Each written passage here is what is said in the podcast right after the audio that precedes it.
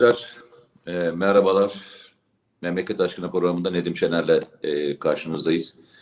E, Nedim'le zaman zaman YouTube hesabından, zaman zaman TVNet'ten, zaman zaman CNN'den karşınıza geçiyoruz. Elimizden geldiği kadar e, konuşmaya çalışıyoruz.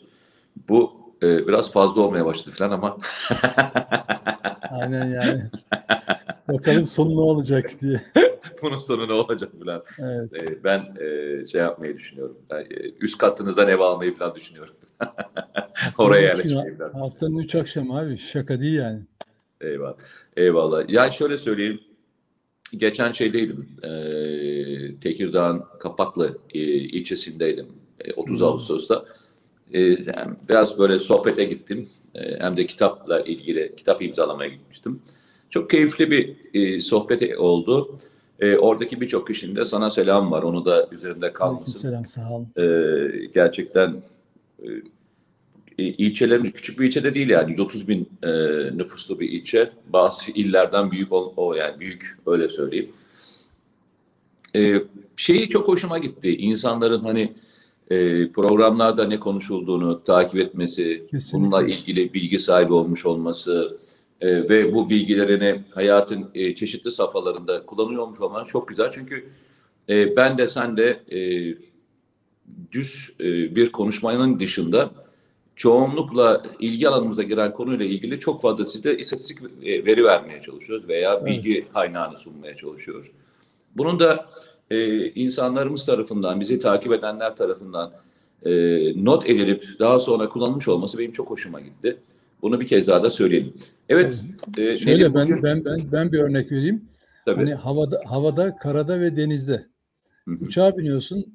e, işte televizyonda yaptığın bir konuşma veya işte Mete Yarar'la yaptığın bir program.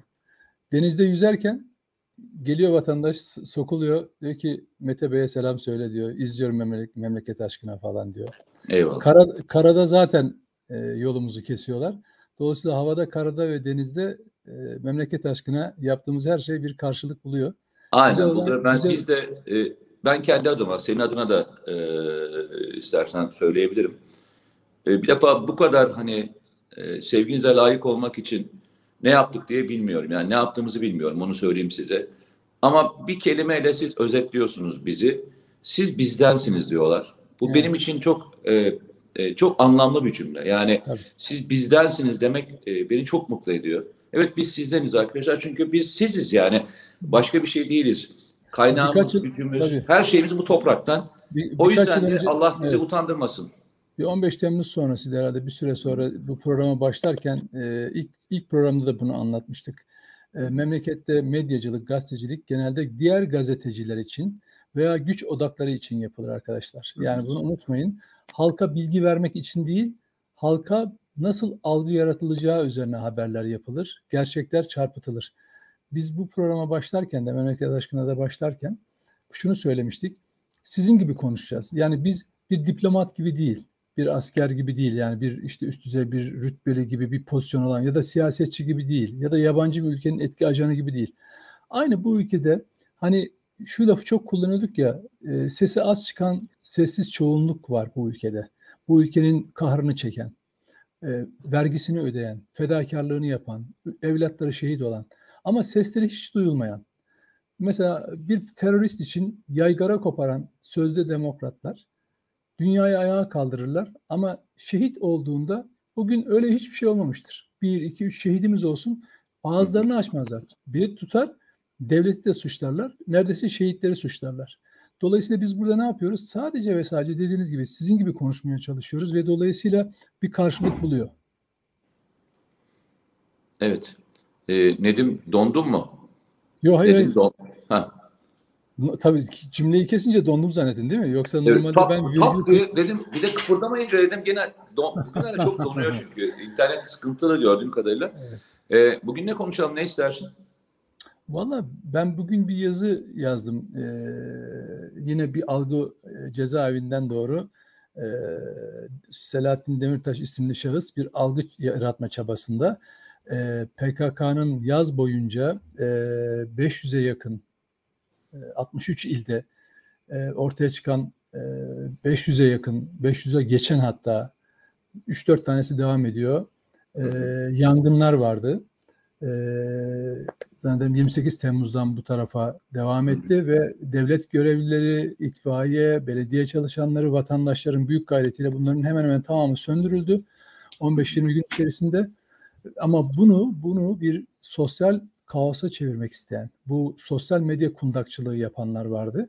Bunun başında HDP çekiyordu.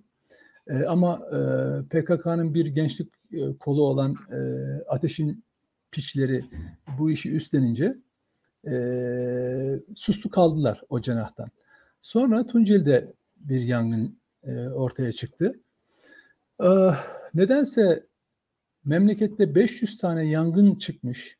Ağızlarını açmayan sözde sanatçı, hani bu memleketin kaymağını yiyen sözde sanatçılar var ya, hı hı. bir anda Dersim yangını, Dersim yangını diye yazmaya başladılar.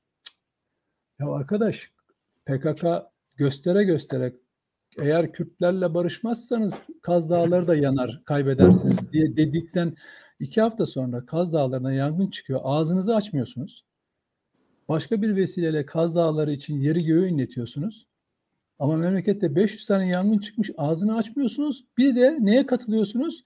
Şey Help Turkey diye bir kampanyaya katılıyorsunuz. Uluslararası bir e, FETÖ kampanyasının parçası haline geliyorsunuz. Kendinizi demokrat, yurtsever sa- sayıyorsunuz bu şekilde. Şimdi Tunceli'de çıkan yangında efendim HDP'liler yine provokasyon peşindeydiler biliyorsun. Oradaki belediye başkanı dahil olmak üzere yangına müdahale edilmiyormuş. E, devlet buranın yanmasına seyirci kalıyormuş. Yahu oraları yakan sizsiniz. Sizin elemanlarınız. Ve o bölgenin, ben dün e, Tunceli Emniyet Müdürlüğü'nü aradım. ilgili görevlileri aradım bölgede e, bu konuyla uğraşan. Olayın doğrusunu öğrendik.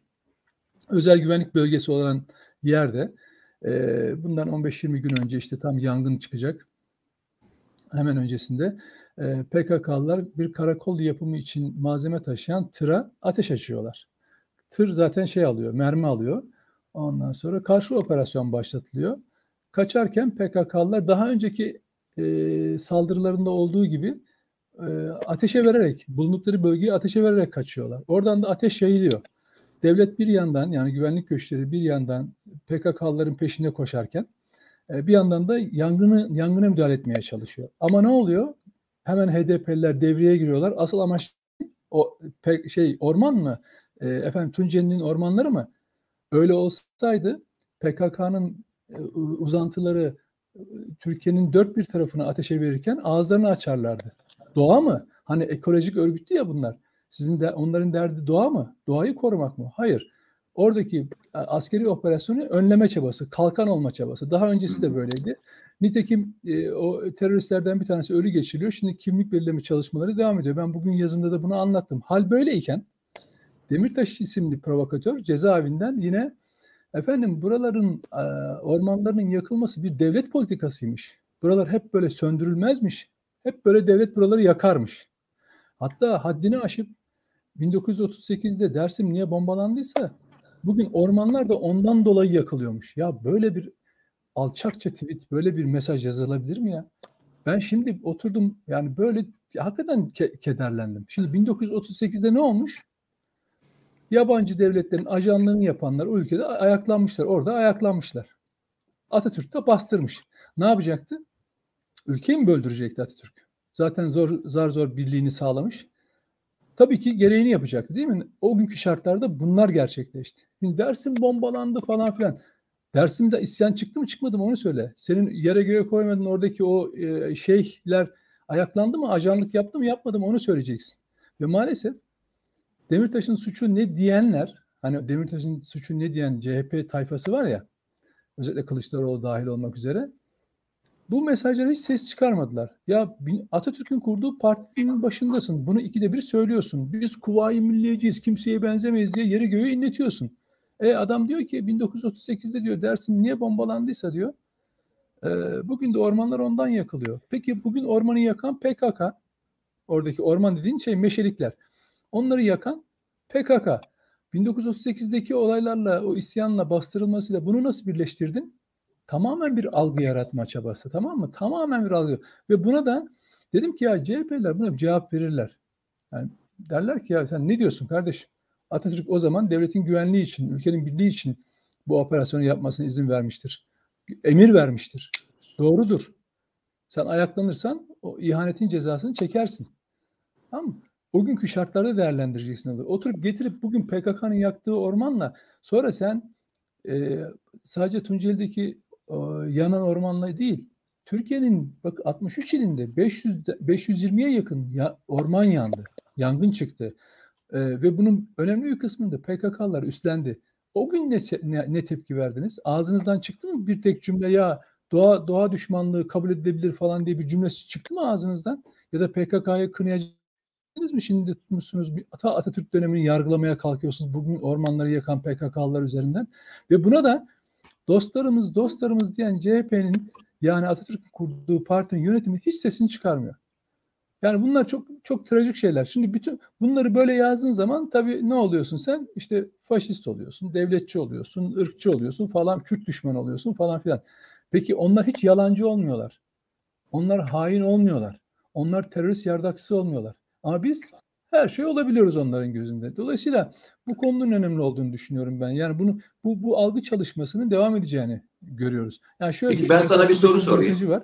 Ben sana efendim, bir basit Manavgat ne kadar bizimse efendim e, Dersim de bizim. Bak bak şimdi bak. Bir bak, şey, bak ben sana bir soru soracağım. Dur, dur ya, bir soru soracağım. Sen demiyor muydun? Bir dakika dur. Selahattin Demirtaş demiyor muydu? Bak bir tamam diyeyim. Ya Nedim bir dur, sen bir daha dur. Bundan La, 5 dur, yıl 10 önce dakika bundan dur, dur, bir dur. Bir dur. Bir dur. Bir dur. Tam sana burada bir soru soracağım. Sen devam Tek cümlem kaldı ama. Ama yok, devam et istiyorum yani, devam et. Tamam. Bir şeyi birleştirmeni istiyorum. Şimdi CHP yönetimi tamam bu konuda şey göstermiyor. Hani bir durum göstermiyor, bir hareket yapmıyor. Tamam, yapmıyor.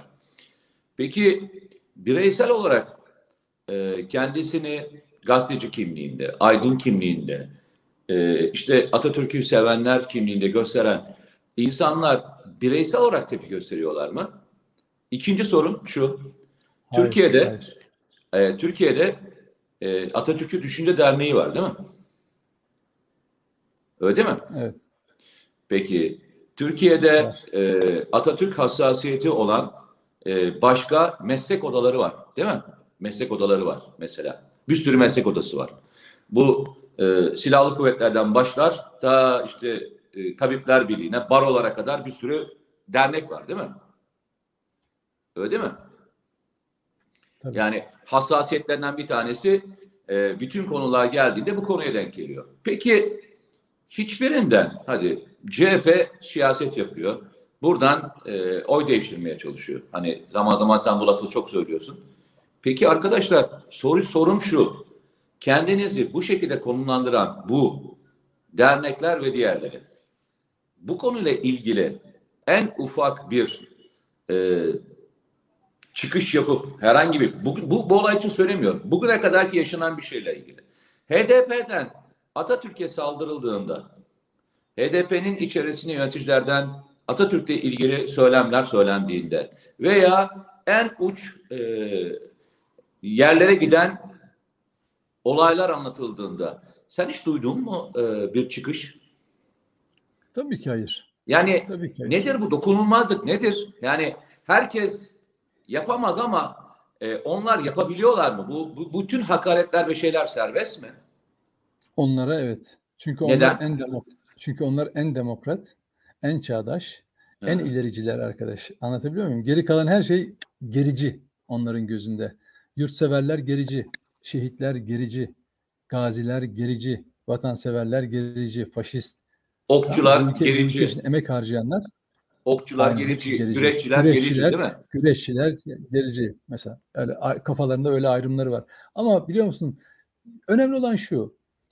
Bu, bunların böyle olması güzel, iyi. Neden? Çünkü bu çarpıklığı göstererek aslında bu ülke için fedakarlık yapan çoğunluğun nasıl güçlü olduğunu, güçlü kalabildiğini, güçlü durduğunu e, anlatabiliyoruz. Eğer bu çarpık örnekler olmasa biz aslında e, kendi koordinatlarını da koordinatlarımızı da belirlememiş olabiliriz ülkemizle ilgili. Yani biz şu anda bir dünyada bir şeyler oluyor, Türkiye'de bir şeyler oluyor ama biz nerede duruyoruz?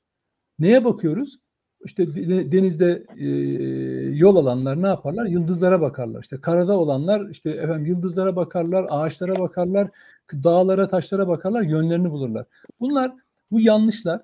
Bazı insanlar da hayatta yanlışları görerek doğru yol, doğruları bulurlar.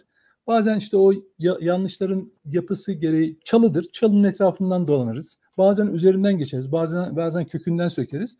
Ama biz doğru yolu buluruz. Bu memleketi hep bir yere götürmeye çalışırız. Bu ülkenin çocukları böyle. Onları görerek biz e, mesela yani he, öyle büyük heyecan diyorum ki o e, şey yine geleceğim oraya. Bayraktar'ın genç mühendisleriyle toplu bir fotoğrafı var ya. Hı hı. Yani o gençleri gencecik 25-30 yaşlarındaki o gençleri öyle görünce ya orman gibiyiz kardeşim. Orman gibiler ya. Gençler, genç çalışanlar bu ülke için bir şeyler orman gibiler. Kendinin farkına top, bir fotoğrafta toplayınca görüyorsun ne kadar kalabalık ve güçlü olduklarını ve ülkeyi geleceği inşa ettiklerini görüyorsun gençlerin. Geri ben kalanlar... sana orada bir ek yapayım mı Nedim? Tabii, tabii. Ee, Özdemir Bey'le yani babalarıyla. Bu arada tabii çok fazlasıyla Selçuk Bayraktar ve Haluk Bayraktar'dan bahsediyoruz. Ama aslında burası bir aile e, şirketi biliyorsun. Yani hmm. içinde kardeşler var. Yani e, Özdemir Bey'in kardeşleri var. E, arkasında anne var biliyorsun. E, sonra adı çok geçmeyen bir kardeş daha var biliyorsun şeyden. E, üç kardeşler biliyorsun. Selçuk hmm. Bey, Haluk Bey ile falan beraber. Ve ailecek e, şirkette yatıp şirkette kalkıyorlar. Sen de buna şahit olduğun için biliyorsun. Tabii, yani tabii, tabii. E, ömürlerinin yüzde doksanı demeyeyim size, yüzde yüze yakını e, orada geçiyor. Yani o fabrikanın içerisindeki alanda geçiyor. Ve zaman zaman hani Selçuk Bey'in ve Haluk Bey'in ismini çıkartıyoruz ama sonuçta bu bir aile ve ailecek e, büyük bir başarı içerisindeler. Bunu söylemek isterim. İki, Özdemir Bey'le bir sohbetimiz sırasında yakın bir dönemde sen de gittiğimiz zaman hatırlarsan e, staj yapan genç öğrencileri görmüştük. Hatırlıyor musun? Dedim. yani o zaman e, yukarıda yaklaşık bir e, 300'e yakın öğrenciye staj veriyorlardı. Evet. Şimdi normalde fabrikalar veya işletmeler bulundukları e, miktarın yani açık net söyleyeyim e, yüzde beşini e, bazen hani maksimum yüzde onunu geçirmezler staj yapacak öğrencilerle ilgili. Evet. E, şöyle söyleyeyim neredeyse şu anda Selçuk Beylerin şirketindeki e, çalışan kadar stajyer var biliyor musun? Tabii. İnanırım kesinlikle. Yani onlar için e, binayı büyüttüler. Hatta bina yetmedi. E, aşağı tarafı indirdiler. Yani bu şey tarafına makinaların üretildiği bölüme e, stajyerleri indirip orada e, onları yetiştirmeye çalışıyorlar. Bence asıl önemli olan şeylerden bir tanesi bu. Tabii. Bu ülkeye hizmet edenler, geçen gün e, televizyonda da söylemeye çalıştım. En son TVNet'te e, yeni başladığımız programda dedim ki Atatürk'ün direktifi çok net ve açık yani. Çok da fazla bu memleketi e, en çok sevenler bu ülkeye en çok hizmet edenlerdir. Yani hiç bunun şeyi yok, lamı, cimi yok. Birisi ne kadar seviyorum diye sorarsanız ne kadar hizmet ettiğini e, sorun. Hmm. Oradan e, notunuzu verin. Şimdi bu şahıslar yalnızca SİHA üretmiyorlar. Gençle, gençliğin önünü açacak olan bütün projeleri hayata geçirmeye çalışıyorlar. Şimdi yakın bir zamanda Teknofest var biliyorsun. Evet. Teknofest dünyada kendi kategorisinde e, ziyaretçi sayısı e, zirve yapan birkaç tane e, havacılık etkinliğinden bir tanesi biliyor musun? Tabii. Tabii tabii milyonlar geliyor ya. Milyonlar geliyor yani. Yani, yani milyonlar geliyor ve hani gelen insanların ilgisini, alakasını, oradaki e, şeyini, e, motivasyonunu ve oraya gelenler yanılıyorlar. Bazen o kadar ilginç ki oraya gelenlerin e, kısmının bir siyasi parti veya bir ittifakın üyesi olduğunu falan zannediyor insanlar. Biliyor musun? Doğrudur. Yok. Oraya gelenlerin tamamı her türlü siyasi partinin içerisinde gençler geliyor o gençler orada kendileriyle ilgili gelecekle ilgili bir şey arıyorlar. Farklı farklı ailelerden, farklı farklı yerlerden, farklı farklı şehirlerden, Türkiye'nin her tarafından Teknofest'in içerisine yarışmaya gelen çocuklar var. Ve işte Kapaklı'daydım. Orada bir tane genç geldi. O da finale kalan e, projeden bir tanesiymiş. E, ben de dedi e, şeyde olacağım. Teknofest'teki yarışmanın içerisinde olacağım dedi. Ve sana şöyle söyleyeyim.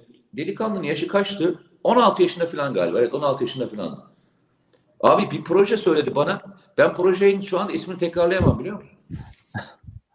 Ya gerçekten yani savunma teknolojisiyle uğraşıyorum ama yani şeyiyle sanayiyle inanılmaz bir otomasyonla ilgili bir şey anlattı. Böyle saydı saydı saydı saydı şunları birbiriyle birleştirmesi, bunları birbiriyle konuşması, bunların oto- otonom olarak işletilmesi 16 yaşında. Ya arkadaşlar birileri gerçekten yaygara yapıyor. Birileri gerçekten iş yapıyor ya. Aynen. Yani SİHA yapsanız SİHA yapmanın ötesinde başka bir şey yapıyorlar. Bu insanlar yıllar önce Teknofest'in ilk senesiydi yanlış hatırlamıyorsam. O zaman İsmail Halis'le e, güvenli bölgeyi yapıyorduk. E, orada fuarda e, geceliğin canlı yayın yaptık. İki buçuk milyon insan izledi biliyor musun onu? Yalnızca şeyini, o an, e, o video şeyi, e, yayını. Çünkü rakamları daha sonra gördük. İlginç olan bir şey söyleyeceğim sana. Sosyal medya üzerinden yayınlanmıştı. Demişti ki bizim amacımız Türkiye'de yazılım konusunda devrim yapmak demişti. Yazılım konusunda. Ve ben aradan birkaç sene geçti. O devrimi bu kadar kısa sürede yaptıkları için tebrik ediyorum. Bakın TİHA'yı yaptıkları için değil. TİHA'yı birisi yapacaktı. Gençlerin kafasında biz yaparız düşüncesini oluşturdukları için ben tebrik ediyorum bu aileyi. Tabii. Tabii. Müthiş. TİHA'yı. TİHA için değil, devrimsel bakış açısını değiştirdikleri için. Birileri gerçekten laf yapıyorlar. Arkadaş, eğer istiyorsanız Atatürk'ün gösterdiği hedef, geçen gün de söylemiştim. Atatürk'ün gösterdiği hedef neydi? Gökleri gösteriyor aynı zamanda. Tabii. Alın size Türkiye'nin bugüne kadar yapmış olduğu en büyük tonajdaki en ileri teknolojiye sahip hava aracı bu. Yerli ve milli. Yani biriniz de çıkın tebrik edin be kardeşim. Biriniz de çıkın deyin ki Allah razı olsun deyin. Biriniz meslek grupları çıkın deyin ki tebrik ediyoruz sizi deyin. Ya arkadaşlar bu alet bu cihaz, bu uçan robot ne diyorsanız deyin. Ya bu bir teknoloji ve bu teknolojiden bir gurur duyun be kardeşim ya. Hiçbiriniz mi duymazsınız? Hiçbir meslek odası, hiçbir grup, dernek hiçbiriniz mi biriniz e, bundan sevinç duyup tebrik etmezsiniz? Hiçbiriniz mi tebrik etmezsiniz? Zaman zaman karşılaşıyoruz. Sen ne diyeyim karşılaşıyorsun. Bazen geçen gün bir üstadla oturuyoruz, sohbet ediyoruz. Benim de çok hani önem verdiğim komutanlarından bir tanesidir. Bu mevzular gelirken işte bir şey açıldı, bir mevzu açıldı. İşte dedi, sen de tebrik ediyorum dedi. Güzel savunma sanayini anlatıyorsun, yapılanları anlatıyorsun ama görüyorum ki bu konuda e, eleştiriliyorsun dedi. Dedim ki üstada, beni anladığı için söylüyorum. Üstadım dedim yani benim dedim derdim e, eğer bu ben bu ülkeyi seviyorsam, bu ordunun içinden gelmişsem, bu ordunun içinde yer alırken zorlukları görmüşsem, Amerika'nın bize yaptıklarını, Almanya'nın bize yaptıklarını görmüşsem, bunun içerisinde bu ülkeye hizmet edenlerin siyasi parti kimliklerine bakarak övüyorsam ben gerçekten bu ülkeyi hiç sevmemişimdir dedim. Yani ben şöyle mi yapacağım? Hangi siyasi parti ülke hizmet ediyorsa e, tebrik etmeyecek miyim? Şey mi yapacağım? Araya mesafe, araya blok, araya felsefe mi koyacağım? Beni ilgilendiren bir tek şey var dedim. Bu ülkeye kim hizmet ediyorsa doğrusuyla yanlışını söyleyeceğim. Şöyle bir mantığiyetimiz yok ki zaman zaman sen de yapıyorsun dedim. Bazen televizyon programına çıkıyoruz. Ee, işte ne diyeyim atamalarla ilgili konuşuyoruz. Doğru mu? Tabii. Bazen FETÖ'yle mücadele ilgili konuşuyoruz. Bazen yapılan liyakatsizliklerle ilgili konuşuyoruz. Bazen yanlışlarla ilgili konuşuyoruz. Yani bizim eleştirimizin e, boyutu siyasi parti üzerinden değil ki. Arkadaşlar inanılmaz iyi işler yapıyorlar. silahlı kuvvetlerle ilgili, savunmayla ilgili, istihbaratla ilgili, PKK ile mücadeleyle ilgili, Karabağ ile ilgili, Libya ile ilgili, Doğu Akdeniz'le ilgili, enerjiyle ilgili ne yapacağım? Ben şunu mu söyleyeceğim? Pozisyon mu alacağım ben? Evet. Siyasi po- parti pozisyonu mu alacağım? Tabii. Yani bir sonraki seçimde kimin kazanıp kazanmadığı üzerine mi ben e, konuşmayacağım? Yok arkadaş ya. Siz ne yapıyorsanız yapın. Sizin hangi siyasi partiyle görüşünüz varsa olsun. Bizi hiç ilgilendirmiyor kardeşim. Siz peki kendi pozisyonunuzu alıyorsunuz diye bizim de pozisyon almamızı beklemeyin ya. Hayatta en nefret ettiğim şey biliyor musun bu Nedim? Tabii, tabii. Kardeşim siz pozisyon aldınız diye biz de mi pozisyon alacağız? Evet. Siz iyi şeyleri görmüyorsunuz diye biz de mi görmeyeceğiz? Hatırlıyor musun? Bana bir televizyon programında birisi şey demişti. Ama sen de gizli gizli AK Parti propagandası yapıyorsun. Dedim niye gizli gizli yapıyorum? Hani yani niye yapacağım yani gizli gizli? Açık yapar. Yani e, AK ka- Parti, karşılığını neyse AK yaparım. Parti e, illegal yapıda ben mi yapacağım? Dedim PKK'yı desteklerken kimse e, korkmuyor da ben Türkiye'deki bir parti yapmak için gizli gizli mi yapacağım? Tabii. Yaparsam açıktan yaparım. Siz yani bakar mısın kafadaki yapıya, Tabii, tabii. pozisyona bakar. Bunu söyleyen bir gazeteciydi bana ya. Televizyon programında söyledi bana. Kavga O çıktı işte- sonra zaten. Tabii tabii. Yani ben hatırlıyorum Yani mevzuya bakar mısın? Tabii. Açıktan söyleyemeyeceğimizi düşünecek kadar da Tabii. bizi baskı altına aldıklarını falan zannediyorlar ya. Tabii canım. Tabii. Yani şey e, mesela bu şeyin Fethullahçı terör örgütüyle ilk daha başlardan beri e, mücadele ederken 2000'lerde ondan sonra işte Hrant Dink cinayeti üzerinden sonra e, 17-25 Aralık 15 Temmuz falan ya tek derdinin FETÖ, FETÖ'cülerle mücadele olduğunu e, olduğunu bu, bu, bu amaçla olduğunu e, eleştirilerimin de eleşti- yaptığımız eleştirilerin de giderilmek üzere yani telafi edilmek üzere daha iyisi olsun diye yapılmış eleştiriler olduğunu adam hiç umursamıyor. Adam diyor ki senin bu yaptığın AKP'ye yarıyor. Yani memlekete yarıyor diyemiyor mesela. Senin FETÖ, Yok, FETÖ'yle demiyor. mücadele Aynen öyle. veya senin Aynen savunma öyle. sanayini anlatman gençlere yarıyor. Savunma sanayine yarıyor diyemiyor. Çünkü bunu söylese kendisinin de yapması gerekecek. Seni e, elemine etmek için, itibarsızlaştırmak için kendi o siyah ve sana bunu söyleyen zannediyorum CHP'li eski milletvekili değil mi? Yok. Öyle hatırlıyorum. Ee, ha mi? doğru. Gazeteci olan eski milletvekiliydi. Tabii Evet. eski milletvekili CHP'li. Mesela Evet. ya sen e, FETÖ'cü, PKK'cı, HDP'cilerle falan işbirliği yapan partine bak. E, Gizli gizli bunların propagandasını yapıyorsun diyemiyorsun nezaketinden. Ama o sana pat diye bir siyasi kimlik yapıştırıyor. Çünkü senin aslında ülkeyi, senin aslında savunma sanayini, senin aslında geleceği ve gençleri savunduğunu çok iyi biliyor. Bunu bunun aslında ona yaradığını da biliyor. Bizim yaptığımız kavganın da bu ülke için olduğunu da çok iyi biliyor. Ama bunu yaparken şu anda bunu yapma. Çünkü şu anda yapılan bu mücadelede kazanılan her mevzi, sisteme giren her e, genç, yeni yapılan her İHA SİHA mevcut hükümete yarıyor. E, biz bu hükümetin gitmesini istiyoruz. Ama siz bunu söyledikçe gitmiyor. Ya adamlar iş yaptığı için, göründüğü için yap gitmiyor. O zaman sen konuşma, anlatma. Bunu demek istiyorlar aslında. Biz gelelim, bize anlat, bizi öv. Tamam, bak buraya kadar da tamam diyelim. O zaman adama şunu. Bana sen e, S4 mesela Türkiye'nin bağımsızlığı için, savunma sisteminin bağımsızlığı için S400 almak istiyor. Bana S400'lerle ilgili planını anlat. Anlatma ben sana söyleyeyim. Kaldır hurdalığı çöpe at diyorsun. Bana ülkenin e, bölgesel e, aktör olma özelliğini getiren e, operasyonlardan bir tanesi. Libya konusundaki Doğu Akdeniz konusunda politikanı anlat. Yok. Geri çekilin. Niye oradasınız? Suriye'ye terör operasyonu. Öyle de demiyor. Öyle de demiyor. Siz orada bulunarak diyor gerilimi arttırıyorsunuz diyor. Ha, gerilim arttırıyorsunuz.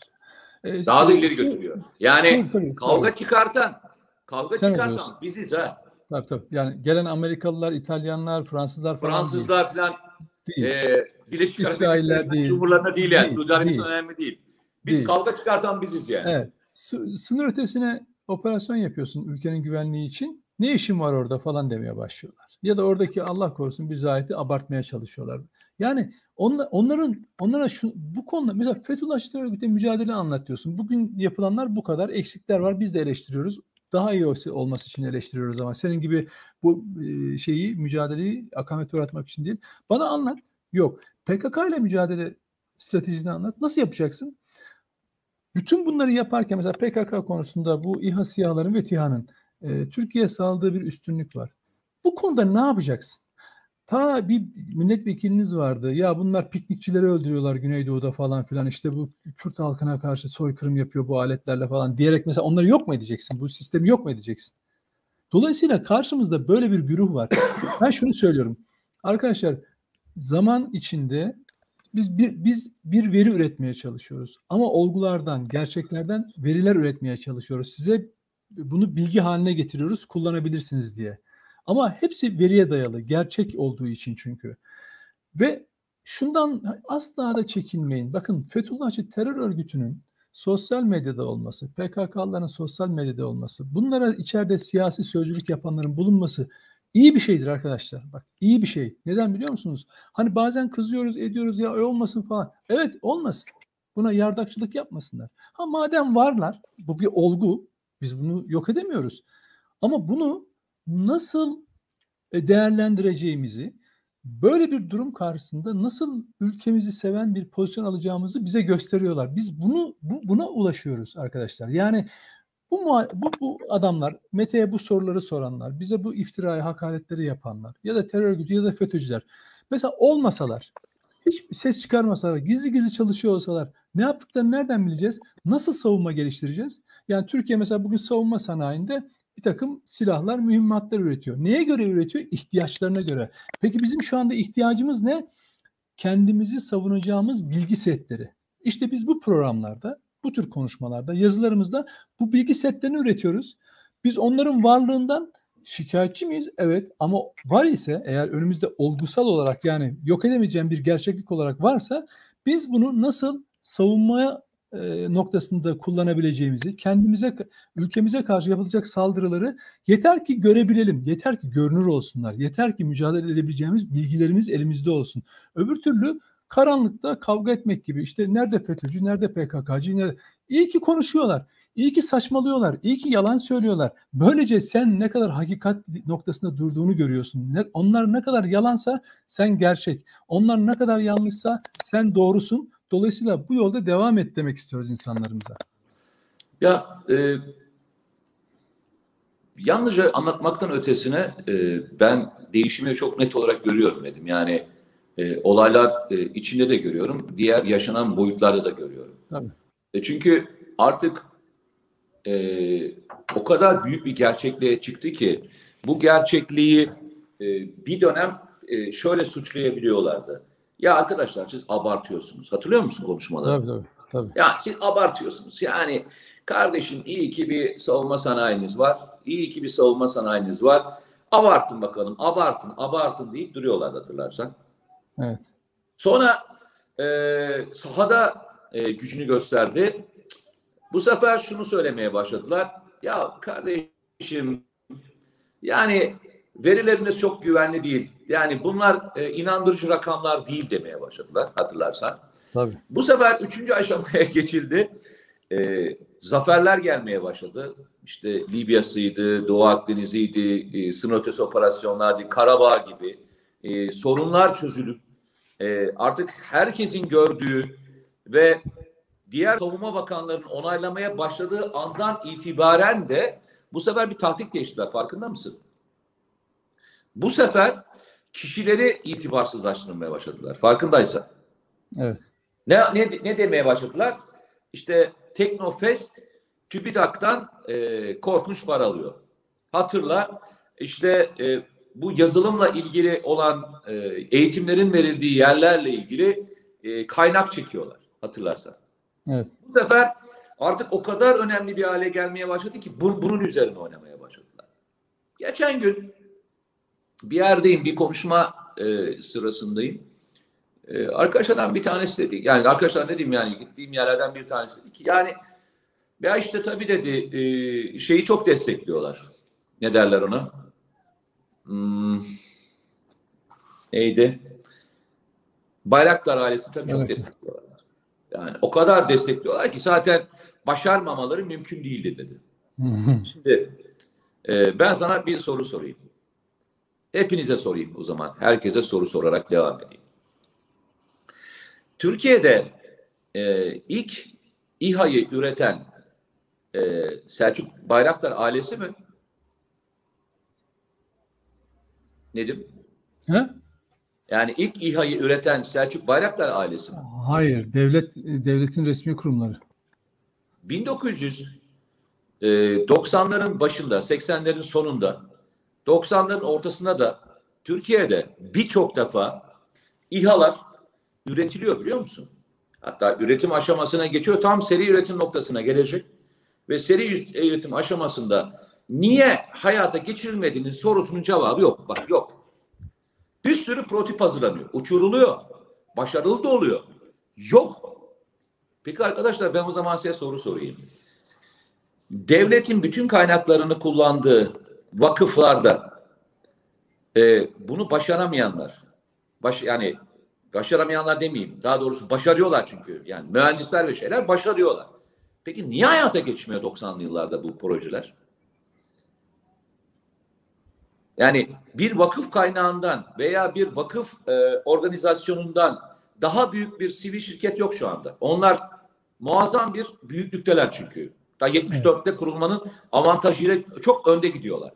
Evet. Peki niye hayata geçmiyor arkadaşlar? Hadi bana söyleyin. Hani her şeyin cevabını biliyorsunuz. Bunun da cevabını bilin bakalım. Niye hayata geçmiyor o projeler? Birkaçı şu anda faal. İşte bu hedef, hedef uçak olarak kullanılan e, hava savunma sistemlerinde veya e, diğerlerinde atılan bazıları o zamandan geliyor şeyi. Ama birçoğu evet. yok ortada. Sorunun cevabının şeyi irade kardeşim. irade. Bu üretilecek dediğiniz andan itibaren veya sizin inadınızla ilgili bir şey. Eğer ilk size saldırıldığında, ilk üzerinize gelindiğinde yılgınlık duyup geri çekilmeye başladığınızda yapacağınız çok fazla bir şey yok. O zaman evet. gelin şu soruyu soruyu bir defa daha soralım. Eğer kaynaksa kaynak niye üretilmedi? Bu insanların başlarına gelmeyen kalmadı. 2004'ten 2015 yılına kadar bu insanların başına gelmeyen kalmadı. O zaman neredeydiniz? O zaman niye ağzınızı açıp bir kez bile bu adamların başarı hikayesiyle ilgili bir tek kelime yazmadınız? Niye konuşmadınız? Niye? Şimdi gelip e, yok efendim zaten bana da o kaynak verilseymiş yapıl, yapılırmış. E, zaten devlet arkasına durur, durmuş da o yüzden bu hale gelmiş. Niye daha önce 90'lı yıllarda devlet yok muydu Türkiye'de? 80'li yıllarda devlet yok muydu bu ülkede? Evet. Ya? Ama o kadar güzel çarpıtmayı becerebiliyorlar ki o kadar güzel e, e, işleri birbirinin içine katıp çamur etmeyi başarıyorlar ki. Ama o kadar büyük bir güneş gibi bunu bunu sıvıyamazlar ya. Bunu sıvıyamazlar. Ve her yaptıkları şeyle de kendini sıvıyorlar farkında değiller. Ya bu çamurun içine debelendiklerinin farkında değiller. Evet. Bu çamura gidip onu oradan alıp bu tarafa doğru taşımak için uğraştıkları emeği bu memleket için biraz uğraşmış olsalardı yemin ediyorum çok daha farklı bir yerde olur. Ya muhalefet evet. etmek için gerçekten yapacaksınız. O kadar çok şeyiniz var ki hani elinizde veri var ki. İYAKAT'tan tutun da FETÖ'yle mücadeleden tutun da PKK ile karşıda devlet politikaları işte ne diyeyim yolsuzluklar o kadar çok yapacağınız yer var ki. Arkadaş bunları konuşmak yerine PKK, FETÖ ve diğerlerini konuşmak yerine ülkeye bir hizmet yapan adama niye bu kadar muhalefet edersiniz? Veya niye bu kadar çok hizmet sunmaya çalışan adamları baltalamaya çalışırsınız kardeşim? Herkese soruyorum bu soruyu ya. Niye bunun üzerine tepinirler? Çünkü Türkiye'nin gerçekten bir başarı hikayesi olmaması üzerine çabalıyorlar.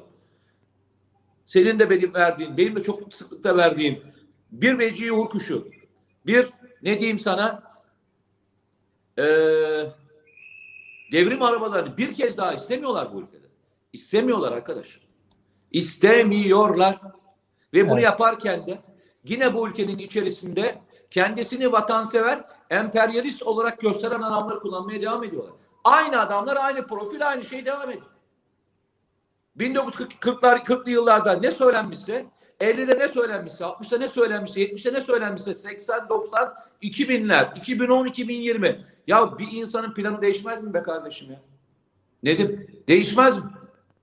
E, sorun sorun değişmezse plan değişmiyor. Plan değişmezse çözüm de değişmiyor. Ben e, herhalde yayının sonuna geliyoruz. E, bütün bu anlattıklarımız bize yabancı şeyler değil. Mustafa Kemal Atatürk döneminde de bunlar yaşanmış ve Mustafa Kemal Atatürk şimdi şöyle zaten teşkilat dizisinde bir cümle vardı. Düşmanlarımızın en büyük şey Türkiye'nin en büyük şansı ne biliyor musun?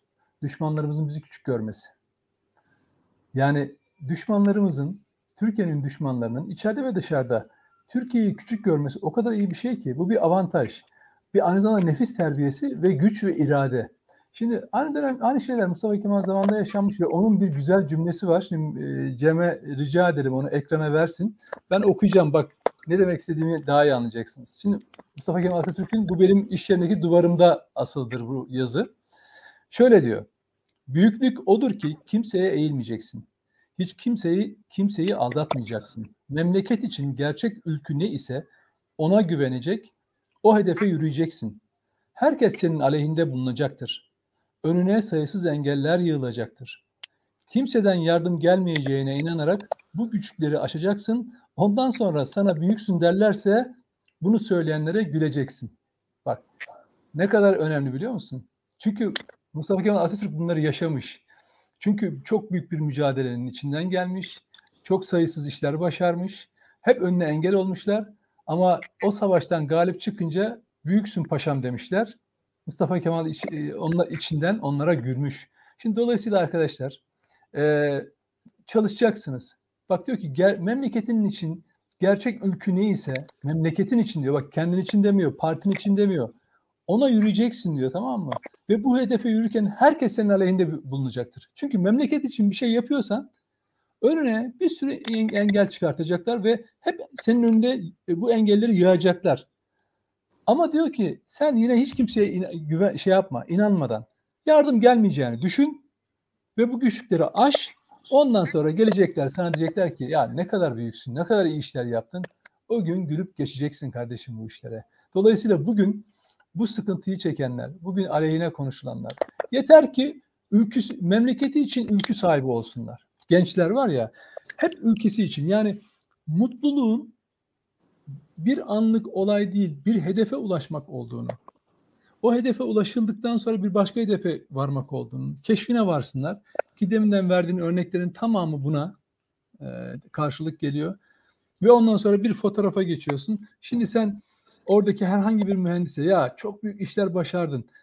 O adamlar o yoldayken ne kadar teşvik gördüler ki bugün gelip sırtını sıvazlasan gülerler sana, gülerler. Bugün onu kutlamanın, bugün onu şey yapmanın bir anlamı bile kalmıyor. O zorluklar çekerken yanında olmak gerekiyor. Aynen öyle.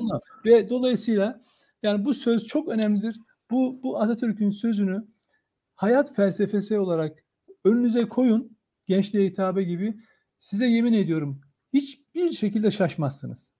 İnsanları bu kadar iyi tarif eden bu kadar güzel bir kutup yıldızı olamaz değil mi? Olamaz. Bak bu kadar bak tekrar okuyorum. Büyüklük odur ki diyor. Bak büyüklük odur ki kimseye eğilmeyeceksin. Hiç kimseyi aldatmayacaksın. Memleket için gerçek ülkü neyse ona güvenerek o hedefe yürüyeceksin.